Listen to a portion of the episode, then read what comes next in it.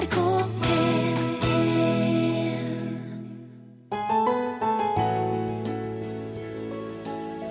Og da når vi sto og stod på stjernehimmelen, altså jeg kan oppleve det ennå når jeg sitter her i studio, altså, så kan jeg oppleve den der fantastiske suget som du får inni deg med tanken på de avstandene, det fantastiske Tanken på f.eks. at hvis man satt der ute, langt der ute og så ned mot jorda, ja, så kunne vi kanskje se, se slaget på Stiklestad. Det er jo ikke så lenge siden. ikke sant? Nei, det er ikke så fryktelig lenge siden.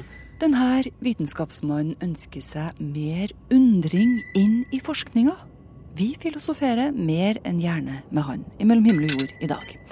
Vi spiser også club sandwich og bedriver kafégrubling med Tommy Steine på flyplassen.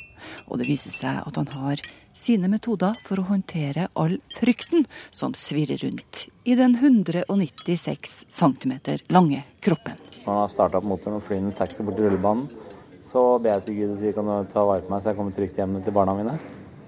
Og når vi lander her på Værnes, så takker jeg, for det er veldig viktig, syns jeg. Sånn, takk, så gikk det bra den gangen her også. Margrethe Nåvik er dagens pilot. Flytida er beregna til ca. 55 minutter. Mobiltelefonen må gjerne stå på. Stolryggen kan du legge helt flat om du vil. Og håndbagasjen, ja, den kan du slenge rundt deg etter eget forgodtbefinnende. NRK ønsker deg en behagelig reise. NRK P1 Hva er det som skjer når et livssyn blir til ekstremisme? Terroristene i IS, eller Den islamske staten, som de kaller seg, skremmer og sjokkerer oss. Konverter til islam eller dø.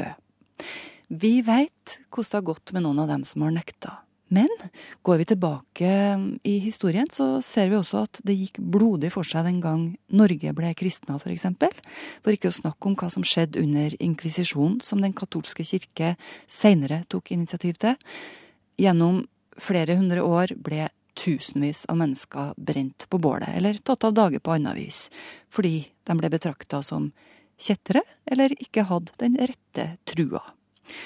Så hva er det med religion som kan gjøre mennesker så blind at de dreper i Guds navn? Torkil Brekke er religionshistoriker. Han sier at i de fleste religioner så finnes det en oppfatning om at vold er nødvendig, men at den må begrenses. Han sier også at det hele handler om tolkning.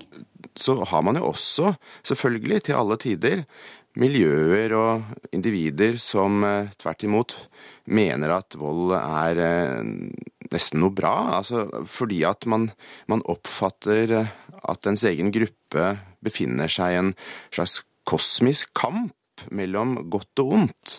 Er det, er det målet som helliger middelet, da, eller? Ja, og da kan det bli det. Og det, det er det jo mange eksempler på gjennom historien, at, at man har religiøse ledere og, og miljøer som, som tenker seg at man nærmest har nådd eh, siste stadium av historien, og, og alle motstanderne utenfor gruppen er djevelens eh, representanter og, og må bekjempes. Eh, og det synet det finner man jo mange steder, dessverre. Hvis du er overbevist om at du har funnet en absolutt sannhet, men samtidig vet at Bibelen kan tolkes i ulike retninger, eh, blir ikke det en motsetning? Det er en motsetning, og hvis du er sikker på at du har funnet en absolutt sannhet, så tror du ikke at Bibelen eller Koranen kan tolkes i mange forskjellige retninger. For da er du ganske sikker på at din tolkning er riktig. Så, så, så det er jeg helt enig i. Det er en motsetning, og det er det som er typisk for de som, for de som eh, mener de har funnet en absolutt og eksklusiv sannhet. Det at de mener at deres tolkning er, er riktig, og alle andre er gale. Betyr det at religion kan eh, nøre opp om intoleranse? Helt klart. Eh, religion kan nøre opp om intoleranse. Eh, det har man mange eksempler på. Eh, samtidig så, kan, så har alle verdensreligioner også tradisjoner som er svært tolerante eh, i seg. Eh, Og, og sterke ressurser for å, å, å tolerere andre. Ofte så ser man, eh, og det er litt interessant, ofte så ser man de mer tolerante sidene av religionene i de tradisjonene som vi kaller eh, mystiske tradisjoner, altså blant mystikere. Og det er kanskje fordi at mystikere, de de er jo mennesker som da er opptatt av det personlige, individets forhold til Gud. Mer opptatt av det enn samfunnets lover og regler. Og, og ofte i disse mystiske tradisjonene så ser vi at uh, grensene mellom religioner brytes litt ned, og, og, og mystikere gjennom historien har ofte lånt, lånt teknikk eller innsikter fra hverandre på tvers av religioner. Så det, så det er eh, ofte ganske tolerante eh, tradisjoner, faktisk. Er det det som blir løsningen uh, for, å, for, å, fjerne religiøs ekstremisme, tror du? Jeg tror at det alltid kommer til å, å være et bredt spekter innenfor religioner mellom de som er Eh, veldig sikre på at de har funnet sannheten eh, på den ene siden, og, og, de som bygger ned grenser på den andre siden. Så, så jeg tror ikke man blir kvitt, eh, kvitt de, de, som tenker svart-hvitt, men, men, jeg syns jo det er grunn til å, til å i hvert fall fortelle oppvoksende generasjoner også om alle disse som disse store tenkerne som har bygd ned disse grensene, og som rett og slett har sett på seg selv som, som tilhørende mange forskjellige religioner samtidig. Men det er ikke det vi lærer i kristendomsundervisningen eller eh, for så vidt i andre? Nei, vi, jeg har noen unger i skolen, og jeg har vel ikke sett så mye av det perspektivet. Ofte så blir det vel framstilt som om verden består av et, et begrenset antall gjensidig utelukkende religioner. Så, ehm, så det er absolutt noe man kanskje burde fokusere mer på.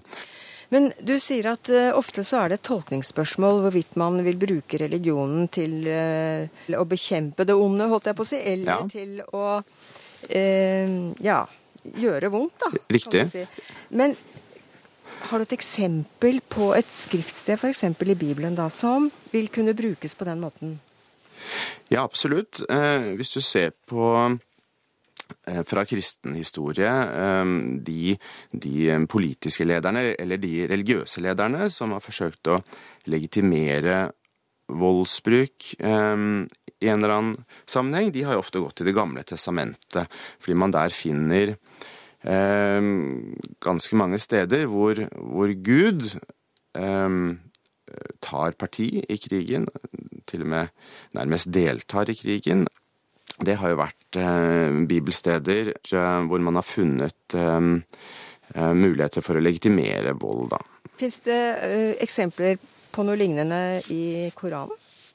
Ja, selvsagt. Det fins eh, klassiske vers som, som eh, om, om, forholdet mellom muslimer og ikke-muslimer, og, og, konflikter mellom muslimer og ikke-muslimer. Vers som da blir brukt bl.a. av moderne jihadister, altså krigere, for å, for å forklare hvorfor det er riktig å enten reise til Irak eller Syria og, og kjempe det de mener er en frigjøringskrig, eller av og til også å, å, å gjøre terroranslag i, i, i, Europa eller andre, andre deler av verden. Da. Men er det da noe ved eh, eh, tro som sådan som, eh, som, kan være farlig, rett og slett? Tro kan føre til så mye, det, og det er utrolig mye forskjellige resultater som kan komme, komme, av det, selvfølgelig. Sterk tro det kan jo være veldig sunt for noen, helsebringende, man får trygghet til livet.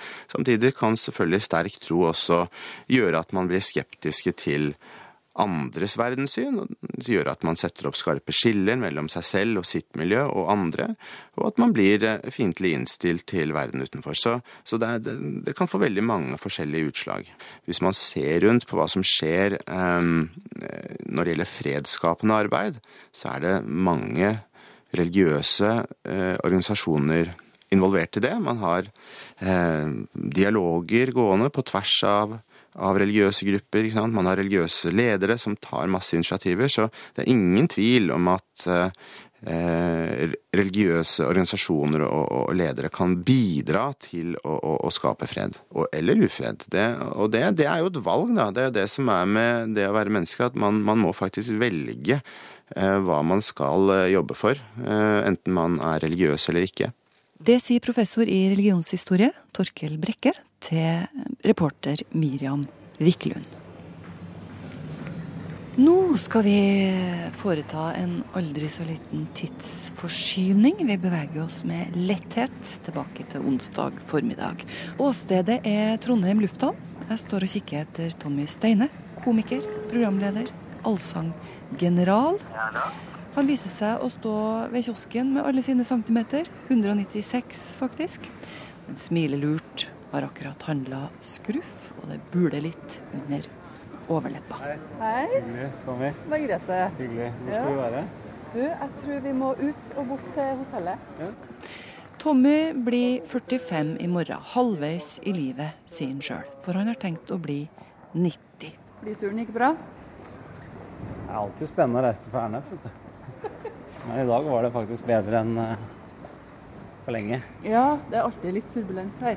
Alltid. Ja. Men å komme inn dalen, da, da er det ikke så ille. Hjemme står kofferten klar igjen. Han skal til å pakke ned tannbørste, snus, tyggis og sceneantrekk, i alle fall. For nå skal han ut og vise forestillinga si 'Latterlig livredd'. Den ble et vendepunkt, denne forestillinga, fordi han begynte å vise sin sårbarhet. Han begynte å snakke om det han var redd for, og det var mye. Å reise med fly, f.eks. Her, vet du. Se. Kanskje jeg finner Se her, da.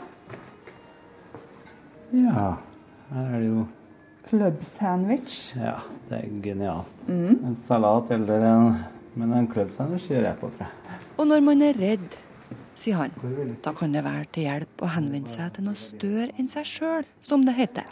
Eh, en kraft, altså et, et sted Noen ganger så er ikke jeg, har ikke jeg nok ressurser til å ivareta alle situasjoner jeg havner oppi.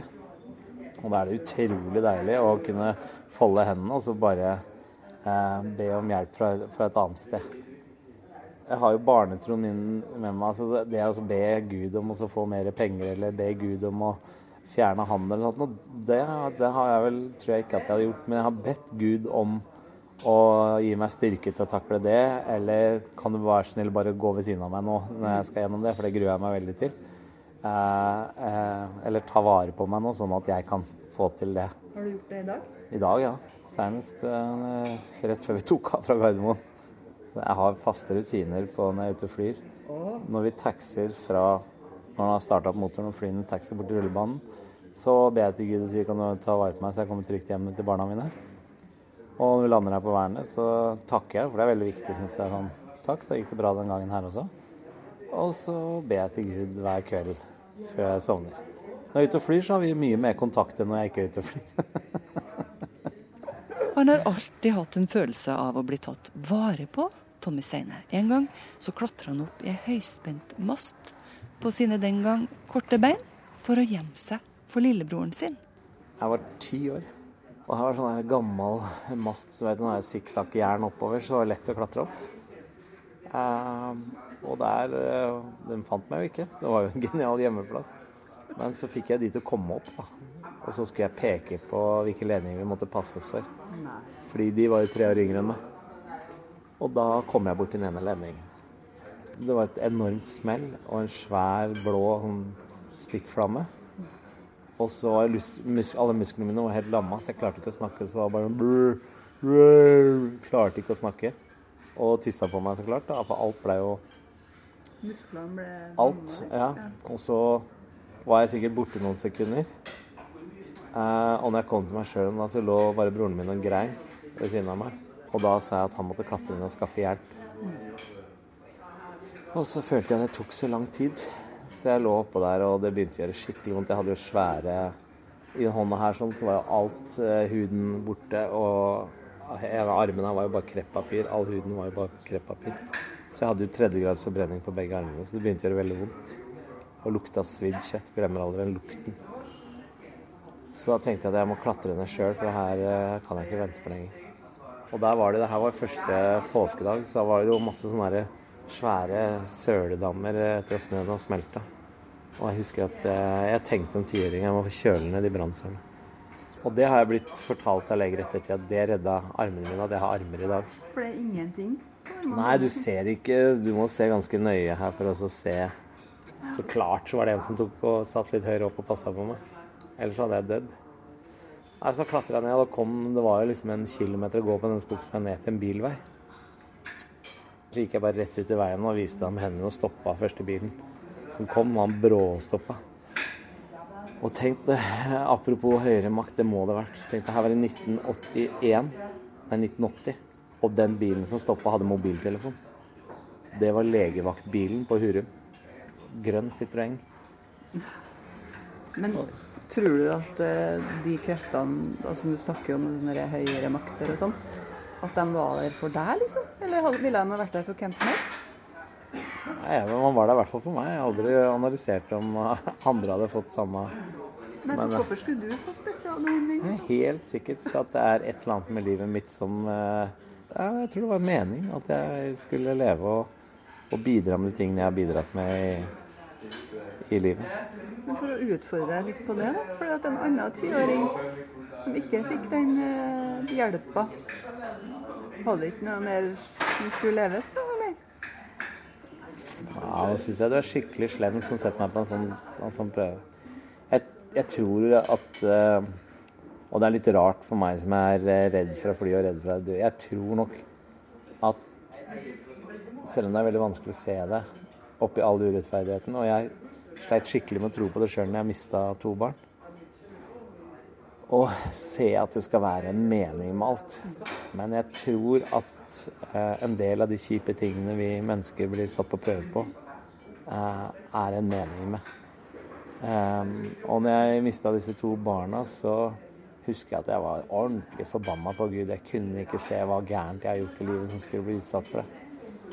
Men det var en fantastisk klok barnelege som var overlege på avdelinga der, som prata med oss hele natta etter at vi har mista dem, så sa han at eh, selv om det er vanskelig for dere å se dette her nå, så eh, vet jeg at når dere får barn, for det kommer dere til å få neste gang, så kommer dere til å oppleve noe ekstra med å få det barnet, som folk som går problemfritt gjennom første svangerskap, ikke får lov å oppleve. Jeg tror dessverre verden er sånn at vi lærer oss ikke å sette pris på fred før vi har opplevd krig. Vi setter ikke pris på å være mett hvis vi ikke har opplevd hva det vil si å være sulten. Og sånn, dessverre, så urettferdig den høres ut, tror jeg nok egentlig er litt meningen at det skal være. Ja, han tror at eh, vi kommer til et sted hvor man må gjøre opp et slags regnskap til slutt, og har sansen for buddhistisk tankegang om karma. Altså, jo mer godt du gjør i livet, jo bedre får du det sjøl i neste liv. Tommy Steine er gjest i God helg neste søndag. Der forteller han om oppveksten sin, som var kronglete, og om hvordan det å vise sårbarhet ved å snakke om det som er vanskelig, om redsel, om sorg, har gitt han suksess på scenen. Her i NRK P1 neste søndag klokka sju. NRK P1 Denne uka her så leste jeg i britiske medier at Oliver rykka ned fra førsteplassen på navnestatistikken i Storbritannia. Den som tok plassen øverst på pallen, var Mohammed.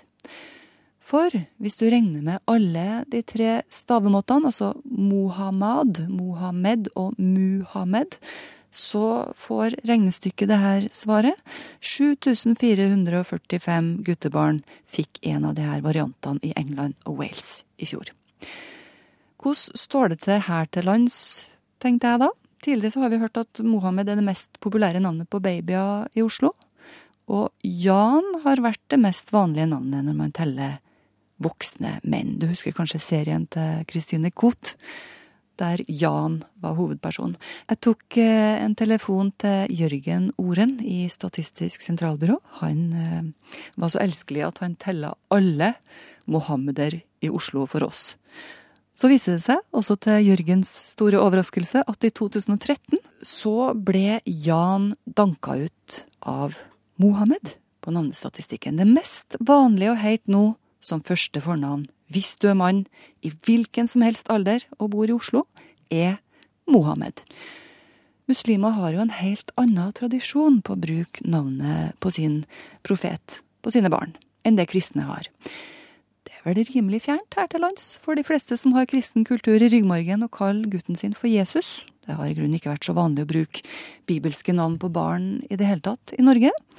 I 1952, forteller Jørgen på SSB, fikk 1,5% bare av norske nyfødte navn som er henta fra Bibelen. så tok det seg noe voldsomt opp mot 2006, hvor ikke mindre enn 22,9% av norske babyer fikk bibelske navn. Som Maria, Philip, Noah, Sara osv. Altså nesten en tredel av norske babyer fikk bibelnavn. Philip og William ligger nå helt øverst på guttelista. Men det å gi barna bibelske navn er ikke så populært lenger. Andelen har nå sunket med 2 til tross for at Philip ligger øverst, altså. Det vanligste å heite nå for jenta er Emma og Sara, sier Jørgen i SSB. NRK P1. Det skal dreie seg om store perspektiver i enda noen minutt. Nemlig tro og vitenskap. For tidvis så har det nærmest vært fiendskap mellom de her størrelsene. Enten så skal man tro på vitenskapen, eller på Gud. Men så finnes det da vitenskapsfolk som sier ja takk, begge deler. Fysiker Johan Moan er en sånn vitenskapsmann. Han forteller at undringa for hans del starta tidlig. Når vi tok kornet, husker jeg på, jeg og far hjalp far å staure korn som vi gjorde, altså kornbånd som vi hadde på lange staurer, så det skulle tørke. Og det var om høsten, og, og, da var det stjerner av og til. Far kunne masse om stjernene og underviste meg og fortalte om ditt og datt. Og da når vi sto og stå på stjernehimmelen, altså jeg kan oppleve det ennå når jeg sitter her i studio, altså, så kan jeg oppleve den der fantastiske suget som du får inni deg, med tanken på de avstandene, det fantastiske som lyset bærer bud. Og bare tenk på det, hvordan lyset bærer bud budskapet som lyset, det er det forteste. Ingen går fortere enn lyset. Ja, men det bærer bud til oss hva som skjedde uti der for uendelig lenge siden. Tanken på f.eks. at hvis man satt der ute, langt der ute og så ned mot jorda, ja, så kunne vi kanskje se, se slaget på Stiklestad. Det er jo ikke så lenge siden. ikke sant? Nei, det er ikke. ikke så fryktelig lenge siden i, i den store sammenhengen, det. Tusen år eller godt og vel sånn. Da kan vi se det. Og det, den informasjonen om det, den finnes der ute, i lyset. Hæ? Fysiker Johan Moan lar seg begeistre over hvordan han opplever virkeligheten. Og da snakker vi om den virkelig store virkeligheten. Johan Moan er nylig pensjonert forsker ved Radiumhospitalet og professor ved Universitetet i Oslo. Lys har vært et av hans store forskningsprosjekter. Han blir regnet som en av verdens fremste autoriteter på dette fagområdet. Over én million hudkreftpasienter verden over kan takke Moan, for det var han som først fant ut at lys kan helbrede hudkreft, gjennom såkalt fotodynamisk behandling, PDT. Forskning har vært hans liv. Men Moan er også opptatt av et eh, spesielt forhold, nemlig forholdet mellom Gud og vitenskap.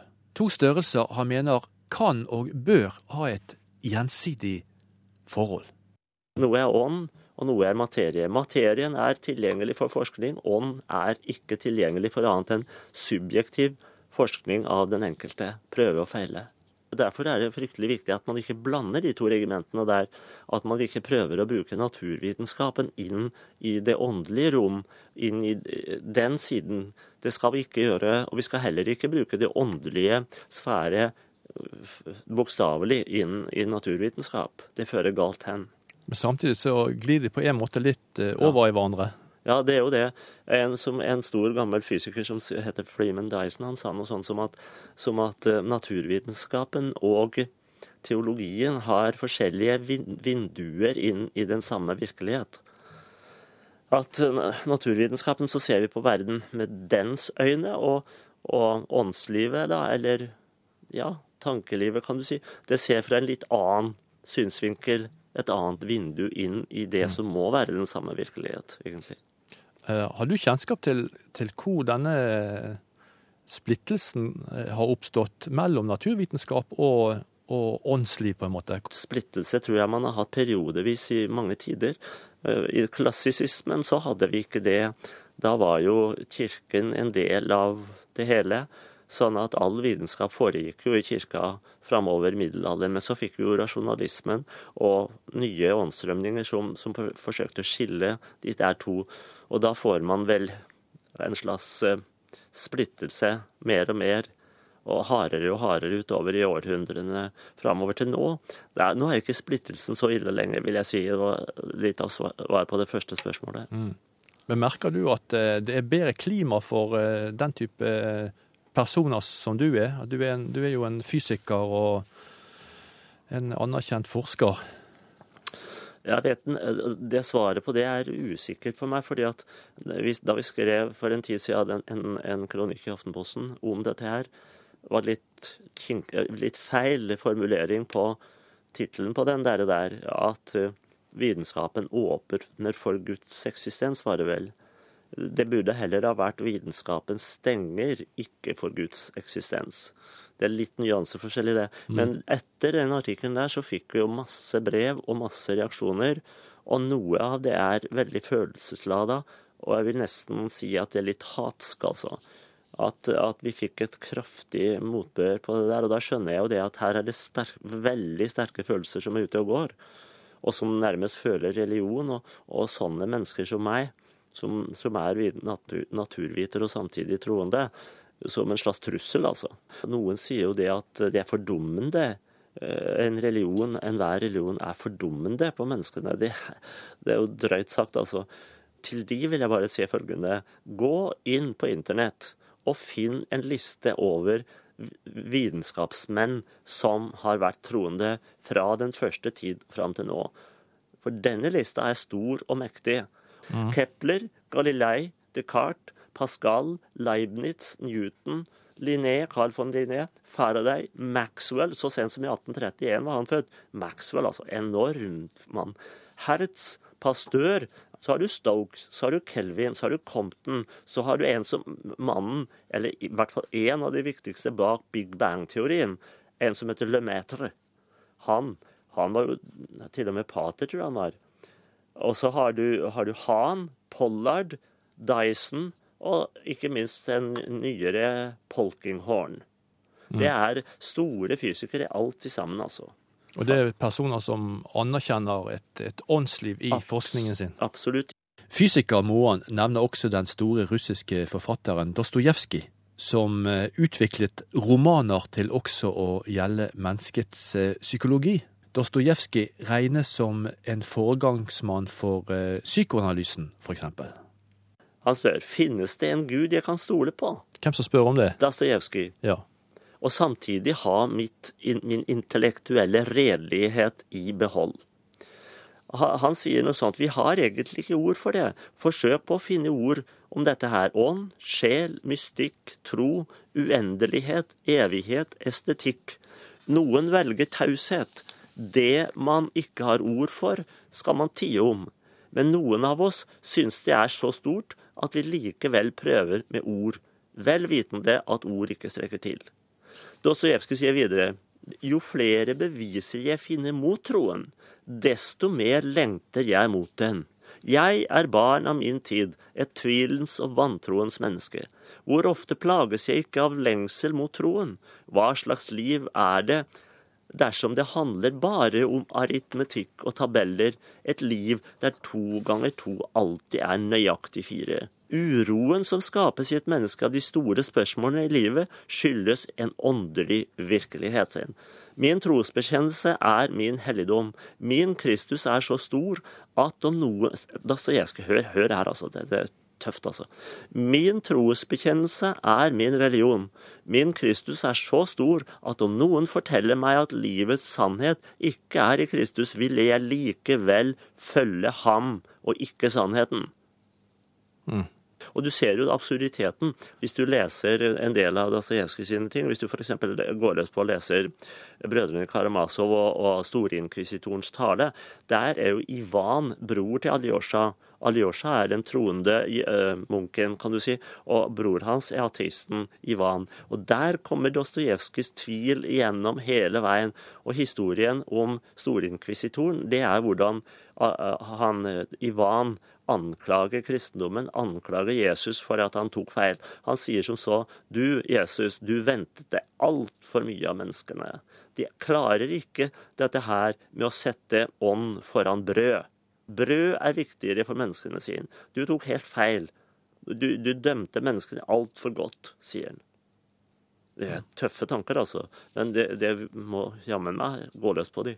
Men en skulle jo tro at hvis det var en, en skaper, da, så at han kunne gjort det litt enklere for oss mennesker. At frem vi lengter etter noe som vi hele tiden eh, prøver å bevise ikke finnes. Nettopp. Det, det, det er akkurat. Ja, det er klart at, at vi må jo vi alle, sånn som Dostojevskij, må jo leve i en tvil. Vi lever jo i en tvil og en undring. Men på en måte så syns jeg selve tvilen, selve undringen i seg selv, er noe stort, noe menneskelig, altså naturvitenskapelig forskning i Norge i dag, eller i hvert fall i finansiering av det i dag, så er undringen borte. Det er ikke undring, men det er rett og slett penger som teller. Det er rett og slett at man skal finne noe som kan brukes i morgen.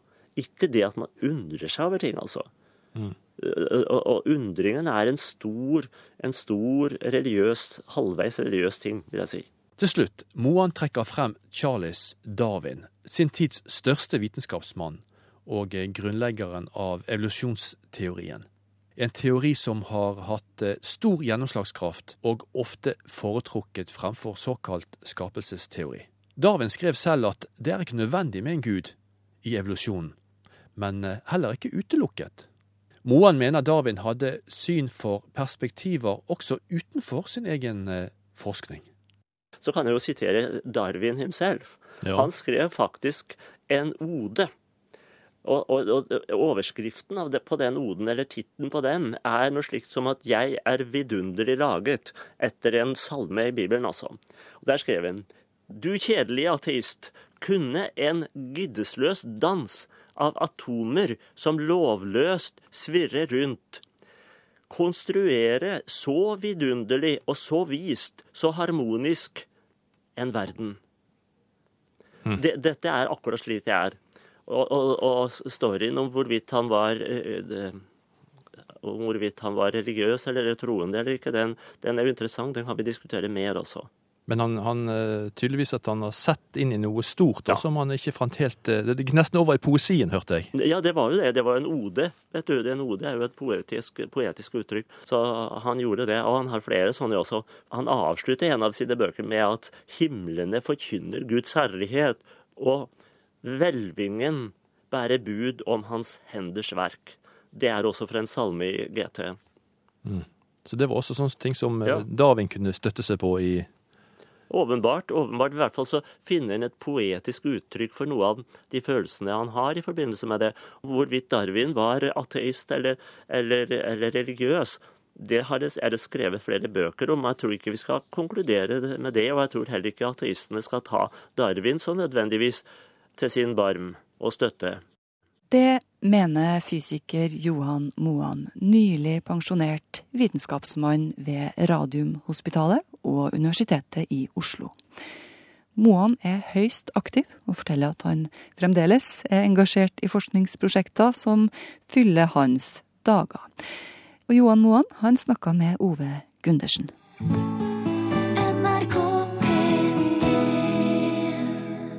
I sommer så har kjente stemmer vært gjesteprogramledere i vår gode søsterkanal P2. Benny Borg er eier av én av de her stemmene, og her deler han et av sine ungdomsminner med oss. At Sandra Dee ikke var tilgjengelig for meg, er vel ikke nødvendig å nevne. I det virkelige livet het hun Bibian og var egentlig kjæreste til min venn Leif. Hun var så vakker. Hun kom fra Tsjekkoslovakia og hadde sort hår og store, mørke øyne som han viste frem bak et par lyserøde briller. Og så tegnet hun sirlige små blomster på tynne stilker. Alt var så lett ved henne. Og så leste hun poesi. Ble jeg forelsket, eller? Det begynte med at vi gikk en tur i skogen sammen, vi tre. Leif, Bibian og jeg. Først gikk de to foran hånd i hånd, jeg gikk to skritt bak, ville jo ikke forstyrre kjærestene. Hun plukket blomster som passet til hennes lyse sommerkjole, og snakket hele tiden. Leif sa ikke så mye. Selv gikk jeg bak og lurte på hvilken sidesti jeg skulle ta for å komme unna det hele. Det sidespranget jeg skulle ta, var vel egentlig ikke det jeg hadde tenkt meg. Leif måtte tisse, og gikk inn bak noen busker. Der sto jeg alene med henne. Er du glad i poesi? spurte hun. Ja, løy jeg, for jeg hadde jo ikke greie på den slags i det hele tatt. Da kjenner du sikkert Per Lagerkvist, sa hun. Jeg har hørt navnet, svarte jeg. Hun smilte lurt, og så leste hun opp det diktet som jeg skulle komme til å huske den dag i dag. Det er vakrast når det skymmer, all den kjærlek himmelen rymmer, ligger samlad i et dunkelt ljus over jorden, over markens hus. Alt er stillhet, alt er smekt av hender. Herren selv utplånar fjärrans stränder. Alt er næra, alt er langt ifrån. Alt er givet människan som lån. Alt er mitt, og alt skal tages fra meg. Inom kort skal allting tages fra meg. Träden, månen, marken der jeg går. Jeg skal vandra ensam, utan spår. Det var en åpenbaring. Hvor hadde jeg vært i hele mitt 16-årige liv? Her sto denne vakre piken med markblomster i sin hånd og leste opp et dikt av Per Lagerkvist, uten at. Noe slikt hadde jeg aldri vært med om tidligere. Det var vakkert, sa jeg beskjedent. Jeg visste du ville like det, sa hun. Det så jeg på deg. Leif har ikke sans for poesi. Leif kom ut av buskene, og verden forandret seg. Det var godt, sa han mens han fiklet med knappene i buksesmekken. En skjære skrek fra toppen av et tre. Vi fortsatte vår vandring, men nå var det Bibian og jeg som gikk foran og Leif bak. Hun stoppet opp for hver tiende meter. Det var alltid noe nytt å se på. En maurtue her, en stubbe der, noen blader på et tre som så litt rare ut, og alle blomstene. Det var min første innføring i naturens undre. Og jeg var en god lytter, forhekset som jeg var av hennes kunnskap og skjønnhet. Diktet hun hadde lest for meg, kvernet rundt i mitt hode. Det er vakrast når det skymmer. Skumringen kom, og vi begynte å nærme oss slutten på vår tur da jeg snudde meg. Hvor var Leif? Jeg gikk tilbake et stykke og ropte hans navn. Ikke noe svar. Hva ble det av ham? spurte jeg. Neimen, kjære, sa hun, han tok en snarvei hjem for lenge siden. En dynamitt av dårlig samvittighet eksploderte i min mage. Han er vant til å klare seg selv, sa Bibian lakonisk. Hva med deg, er du vant til å klare deg selv? Hjertet hamret i brystet mitt.